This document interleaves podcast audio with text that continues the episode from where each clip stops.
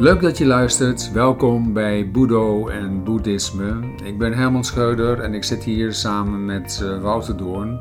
En we gaan met elkaar in gesprek over allerlei aspecten van het boeddhisme, waarbij Boedo, onze meditatiemethode, centraal staat.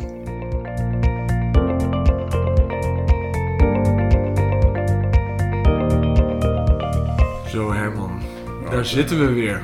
Ja, En vandaag gaan we het hebben over een misschien wat, ehm, nou, je zou bijna controversieel onderwerp kunnen eh, zeggen. We gaan het hebben over karma en wedergeboorte. En we willen er ook nog een beetje boeddhistische kosmologie in verwerken. zo. En ik zeg controversieel omdat er natuurlijk allerlei manieren zijn waarop je er naar kan kijken. Ehm, het is een ontzettend, ontzettend complex onderwerp. Ehm, ja, en er zijn ook binnen het boeddhisme mensen zeggen van je moet het maar links laten liggen, want je kan er toch niet aan met je eigen ervaring. En toch vinden wij het belangrijk om het hier te gaan bespreken. Ja, nou la- laat ik, een, laat ik eens een, een, ehm, een schot voor de boeg eh, geven. Als, we, als ik probeer een, ehm, iets heel kenmerkends of een soort, soort mens van eh, definitie, is dat eh, karma vanuit een boeddhistisch perspectief ehm, eigenlijk het, het, het altijd te maken heeft met bewuste actie die op een gegeven moment gedaan wordt. Ja, En dat, dat geeft eigenlijk, ehm, het geeft eigenlijk iets heel, eh, heel- iets heel dieps aan. Dat bewuste acties, dat die op een of andere manier, dat gaan we proberen wat verder uit te werken, maar dat die bewuste acties op een of andere manier gevolgen hebben.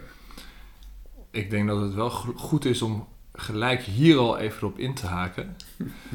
Want ik kan me zo voorstellen dat de meeste luisteraars karma als gevolg zien. Als je zegt, dit is mijn karma, eh, om maar gewoon eh, iets te zeggen wat je in het Nederlands kunnen zeggen, dan stel je eigenlijk dat het gevolg het karma is wat je hebt verdiend. Daar, daar, zit, daar zit iets in van karma is datgene wat je toekomt. Terwijl wat jij terecht zegt is, nee, in het boeddhisme is karma juist is de oorzaak, dat is de intentie. En vipaka is natuurlijk het resultaat. Maar ze zijn, je zou, ehm naar aanleiding van je opmerking zou je kunnen zeggen, ze zijn eh, verstrengeld. Ja, In de zin van dat de tijdsfactor, dat die daar als een rode draad doorheen loopt, maar dat dat eh, zowel naar het verleden als naar het heden als naar de toekomst Mhm. speelt. En dat geeft, dat geeft ehm, een enorme, ja, ik zou zeggen, nieuwe dynamiek. Want als je op die manier er naar kijkt en naar kunt kijken, ehm, dan, dan betekent eigenlijk dat op een of andere manier er dus een systeem moet zijn. Ik kan geen ander woord verzinnen. dat op een of andere manier er een systeem moet zijn Mhm. wat ervoor zorgt dat al die lijntjes, eh, zeg maar, een soort denkbeeldige lijntjes, misschien zijn die denkbeeldig, zijn echt, maar al die lijntjes, dat die dus eh, verstrengeld in de tijd een, een zodanig complex vormen, of vormt, Mhm. dat dus zowel dingen uit het verleden als dat het ook een, een, een toekomstperspectief geeft. En toen ik daar, toen ik daar laatst over eh, nadacht, dan kun je ook vanuit een, een westers denken, zou je kunnen, de vraag kunnen stellen, maar van oké, maar als dat klopt, hoe zit dat systeem dan in elkaar dat het blijkbaar eh, zo is dat al die bewuste acties, dat die dus op een of andere manier eh, bewaard moeten blijven.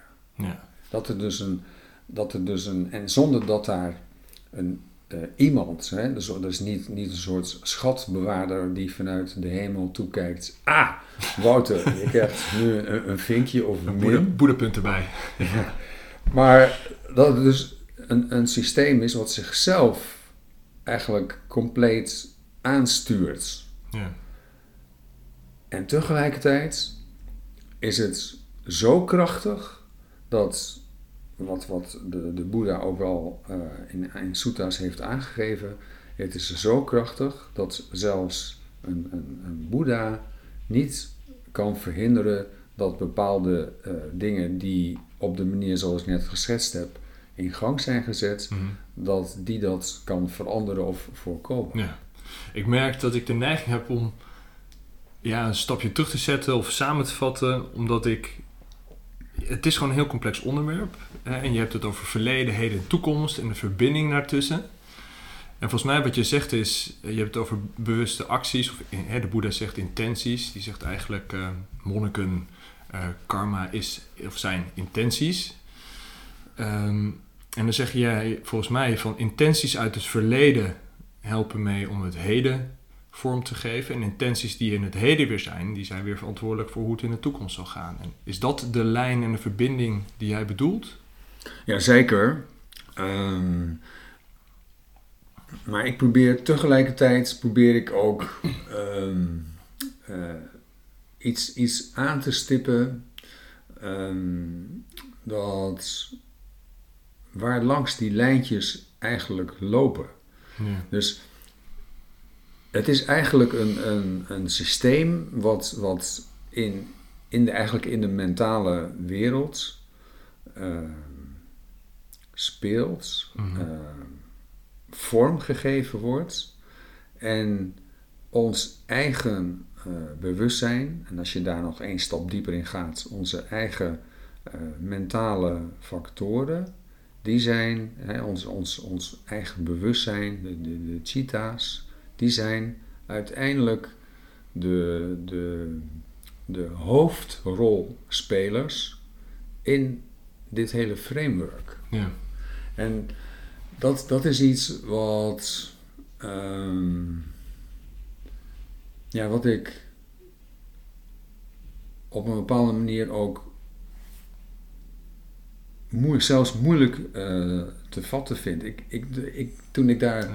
over na probeerde eh, te denken, ervoer ik ook iets van de grootsheid en de diepgang eh, daarvan. Ja. En we zitten hier nu, eh, daar proberen wat, wat, wat woorden aan vast, te, ja. aan vast te plakken. Maar ik wil vooral ook hier benadrukken van ehm, de, de, de enorme diepgang Ja. ervan. Ja, ja, ja. En dat dat ehm, ook weer, als je naar, naar je eigen eh, bewustzijn kijkt en ook naar je eigen dagelijks leven kijkt, dat je continu dingen aan het toevoegen bent. Ja. Door je eigen manier van leven. En dat dat, ehm, ja, dat dat niet, je zou kunnen zeggen, je kunt niet een, een dag zomaar leven in, in, in de, vanuit een gedachtegang. Nou, vandaag staat de, de karma-schaal stil Ja, of zo. Nee, uit. Het gaat gewoon continu eh, door. Ja. Je, je bent continu aan het verzamelen en je bent continu, ehm, sta je open voor dingen die in het verleden zijn gebeurd Ja. en die op een of andere manier in het dagelijks leven een conditie kunnen vormen Ja. dat het ook daadwerkelijk, eh, hoe zeg je dat, Eh, ja, productierijp wordt, Tot rijping komt. tot rijping komt. Ik, ik denk dat het dan ook wel leuk is om nog ja, twee dingen aan te gaan stippen. En het eerste is iets wat ik persoonlijk wel heel boeiend en ook belangrijk vind. En dat is dat je, je kan in de veronderstelling komen dat karma en het resultaat van karma, karma en vipaka, dat dat altijd een één op één relatie is. Dus in de zin van, je hebt ergens een intentie en dat heeft altijd een gevolg. En toch is, is, is het niet zo simpel. Het is veel complexer, want eh, voor, voor gevolg, als je een intentie hebt gehad, ehm, in het verleden. En of dat nou een seconde geleden is, of een maand geleden, of een jaar geleden, of hoe lang geleden, dat maakt dan even voor nu niet uit. Maar het gevolg daarvan is ook weer afhankelijk van uh, of de omstandigheden daar zijn om dat, die, die, die rijping te laten ontstaan. Ja. En dat is heel belangrijk. Het, het, het, klinkt heel theoretisch, maar dat is ontzettend belangrijk. Want zonder dat onderscheid zou er geen vrije wil mogelijk zijn. Zou je geen invloed meer kunnen hebben. Want als alles een één op één relatie zou hebben, dan zou er gewoon een soort continue draad zijn. En dat is nadrukkelijk niet wat de Boeddha zegt. De Boeddha zegt, uh, wij kunnen verandering aanbrengen. dat stukje vrije wil zit er wel degelijk in. Uh, het is alleen, denk ik, veel kleiner dan dat we soms zelfs denken. Want we zitten heel erg in dat geconditioneerde rad waarin we intenties uit het verleden hebben. Nou, en als we niet uitkijken, dan, dan leef je in een soort automatische piloot waarin het gewoon continu op een bepaalde manier in dezelfde richting tot rijping kan komen. En om het om te draaien, moet je heel geleidelijk proberen de oorzaken. Dus niet, je kan niet aan die gevolgen kan je niet zoveel meer doen, maar de oorzaken proberen te veranderen en proberen die voedingsbodem te veranderen, zodat niet de, de, de, zeg maar de onheilzame dingen, de dingen die problemen geven, dat die niet tot rijping kunnen komen. Dat, je, mhm. dat dat het speelveld van vrije wil is. Mhm. Ja, daar ben ik het, uh, daar ben ik het helemaal mee eens. Um,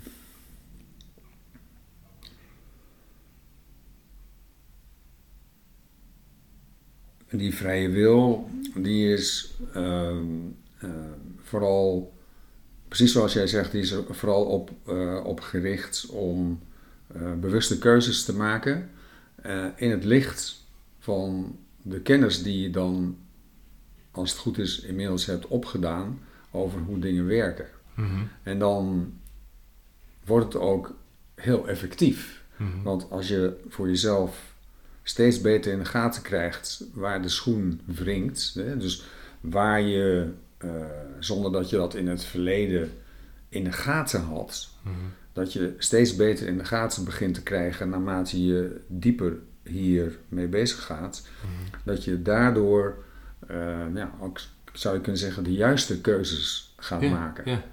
En uh, ja, dan komt het, dan komt het eigenlijk uh, steeds meer bij elkaar. Mm -hmm. En dan kun je ja, er op een manier, steeds meer op een manier, en dan praat ik even voor mezelf, steeds meer op een manier mee omgaan.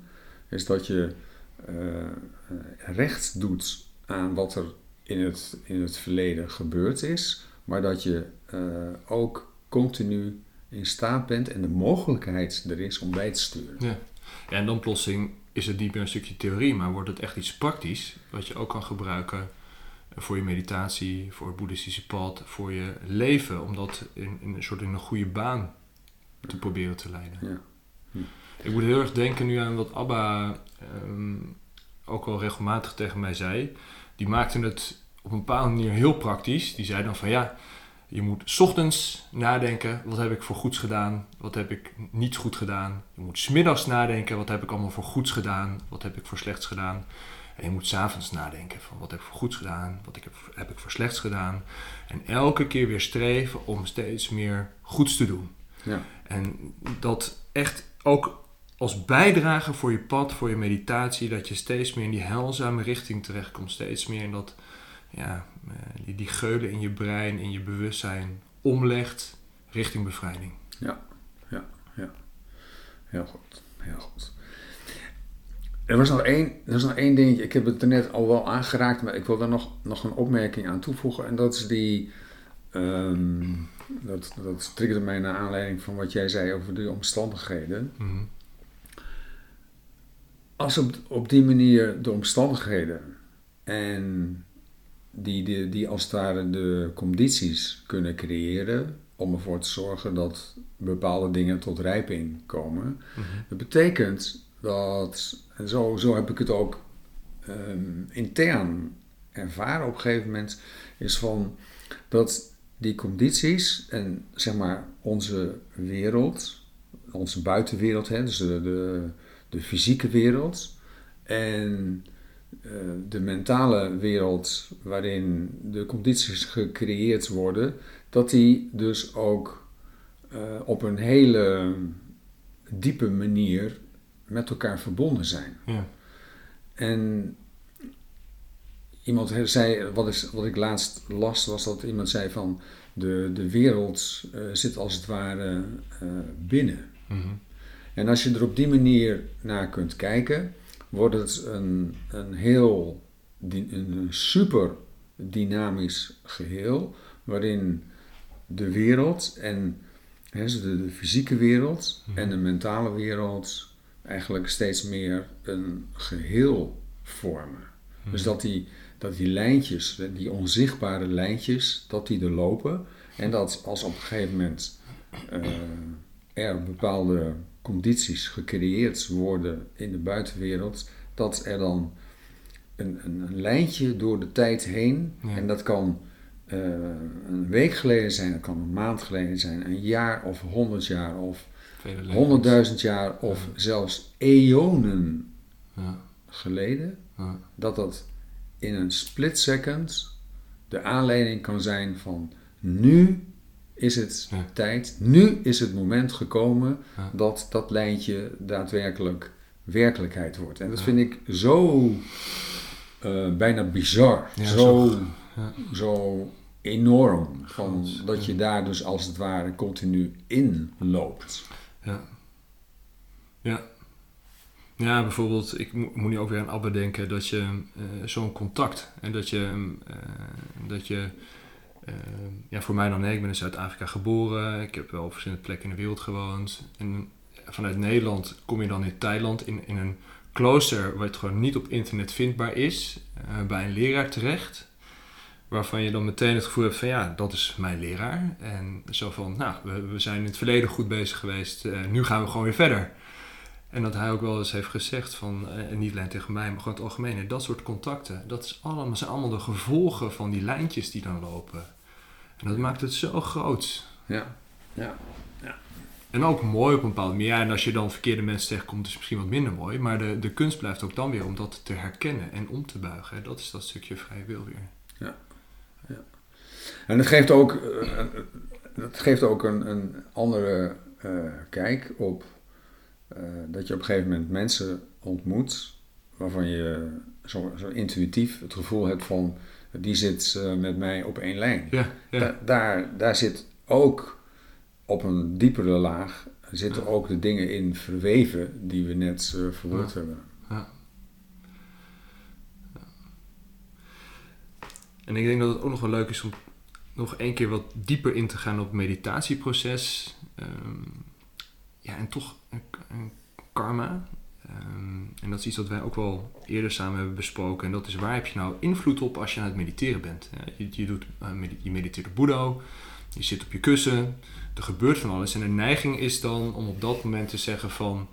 Bij wijze van ik wil het nu anders. Ik wil nu concentratie. Dat je probeert om nu iets voor elkaar te krijgen. Dat is een soort basale neiging. Want volgens mij doen we dat in het leven ook. Als je iets wil, dan ga je het, ga je het doen. Als ik een koekje wil, dan loop ik naar de kast pak een koekje.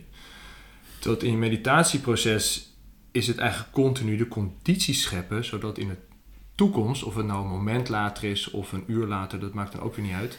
Dat het kan ontstaan. Want Abba zegt ook nooit, eh, je, je, je, je doet concentratie. Hij zegt nee, je krijgt concentratie. En dat is iets wat je krijgt omdat de condities juist zijn dat dat kan ontstaan. Ja, ik, ik heb daar eigenlijk niet zoveel aan, aan toe te voegen, anders dan dat ik het eh, 100%, 100% eh, beaam. Alleen voordat je echt zover bent, in de spiegel kijkend, dat je kunt zeggen van eh, ik regel het niet als persoon, maar dat eigenlijk de condities gewoon ingevuld worden doordat de hindernissen op een gegeven moment niet meer manifest eh, zijn of niet meer eh, aanwezig zijn op een moment dat concentratie naar binnen kan komen. Ja. En het geeft ook een,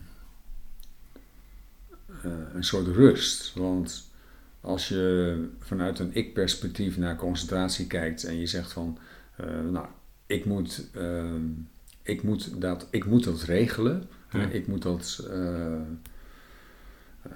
ik moet daarvoor zorgen dat dat, eh, dat, dat vandaag eh, lukt. Ehm, ja, op een gegeven moment kom je erachter dat het niet zo werkt. Ja. En zolang als je denkt van ik moet het vandaag regelen, dan is dat eigenlijk alleen maar in ieder geval aanleiding tot eh, grote vermoeidheid aan het eind van de dag.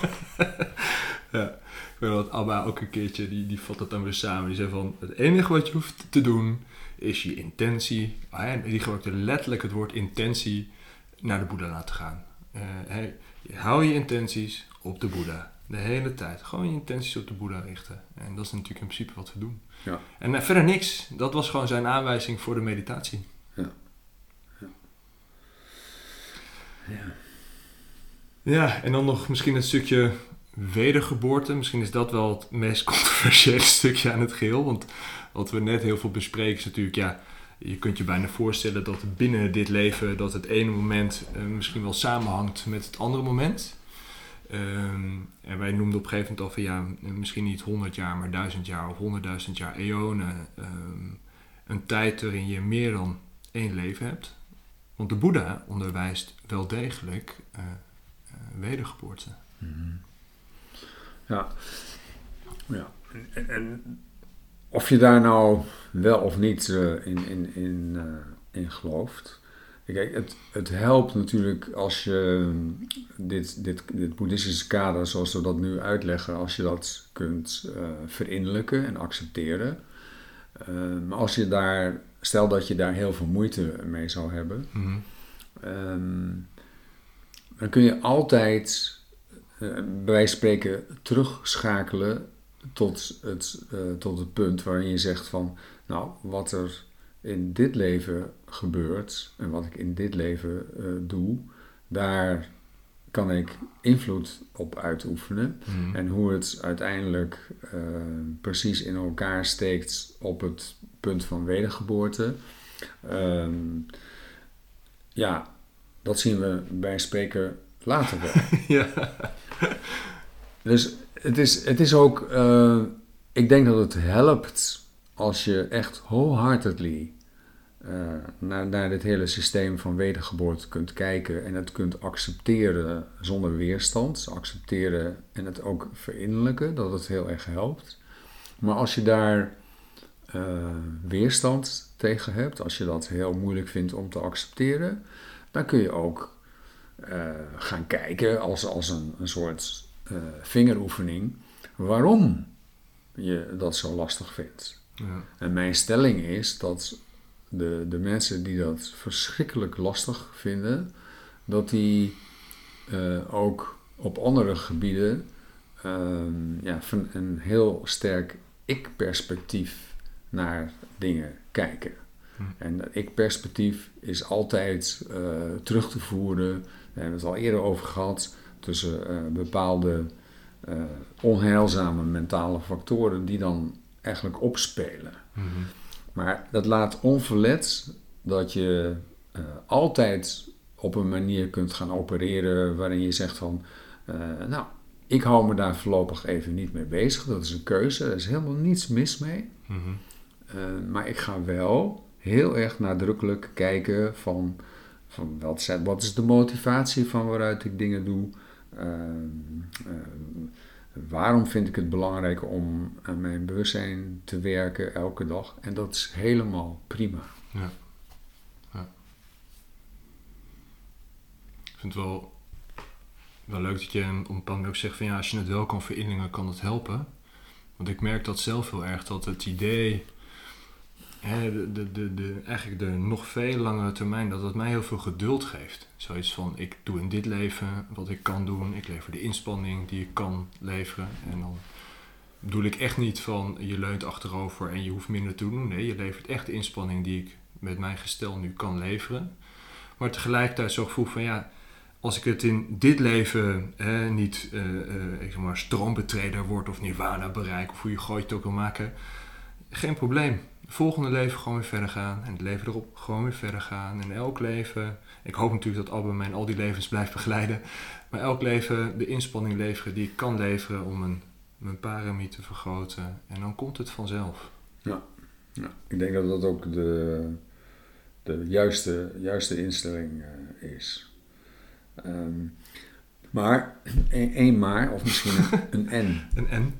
Een N is dat ehm, als het maar niet betekent dat je eh, denkt van, nou weet je, ik heb nog heel veel eh, Ja. levens hier achteraan en daarom hoef ik me nu niet maximaal in te spannen. Ja. En dat, die, dat risico Ja. eh, zit erachter. Maar zoals jij het verwoordt, is het van, ik, ik span me maximaal in en, en, en toch is dat uiteindelijk het enige wat je kunt doen. En dan kijk je wat er gebeurt. Laten we wel wezen, het risico van ik doe het later, dat bestaat zelfs als je zonder wedergeboorte alleen al in dit leven kijkt. Hè? Van ja, ik ben nu, eh, ik zeg maar wat, 18, ik ga studeren, ik hoef niks te doen, ik doe dat wel later. En dan heb je kinderen en dan ga je werken en voordat je het weet is het, weet je, ik begin er wel aan als ik in mijn pensioen zit. Ja. Op zich is er niks mis mee om te beginnen als je met pensioen bent gegaan hoor. Ehm, maar ja, je, je, je, je mist dan de jeugdige energie eh, die je in dat proces had kunnen steken. Klopt, klopt. We zouden het ook nog even hebben over boeddhistische kosmologie. Ehm, ik merk zelf dat ik denk van nou, misschien moeten we dat maar niet doen. En daar op een later, veel later moment aan gaan stippen. Dat is goed. Eh, en dat we het misschien gewoon hierbij gaan laten. Want ik vind eigenlijk dat we het wel mooi hebben geraakt. Ja, prima. We willen het de volgende keer eh, gaan hebben over verschillende manieren waarop je ehm, naar het boeddhistische pad eh, zou kunnen kijken. En ook naar karma kan kijken. Maar we hebben dat voor een deel ook nu al een beetje gedaan, Herman. Ja, ik weet het. Ja. Sorry. Dus ik zit te denken, misschien moeten we het maar overslaan. En dan gaan we de volgende keer gewoon gelijk naar vertrouwen. Ik denk namelijk dat dat wel passend is naar deze aflevering. Om het over vertrouwen, over Salah te gaan hebben. Is goed. Gaan we dat doen de volgende keer? Nou, dankjewel. Jij ook. Dankjewel voor het luisteren. Vond je dit nu een leuke podcast? Vergeet dan niet je te abonneren via je favoriete podcast-app. Zo blijf je op de hoogte van de nieuwste afleveringen en help je andere mensen ons makkelijker te vinden. Wil je meer weten over het boeddhisme of over ons meditatiesysteem? Bezoek dan eens onze website. De link staat in de beschrijving.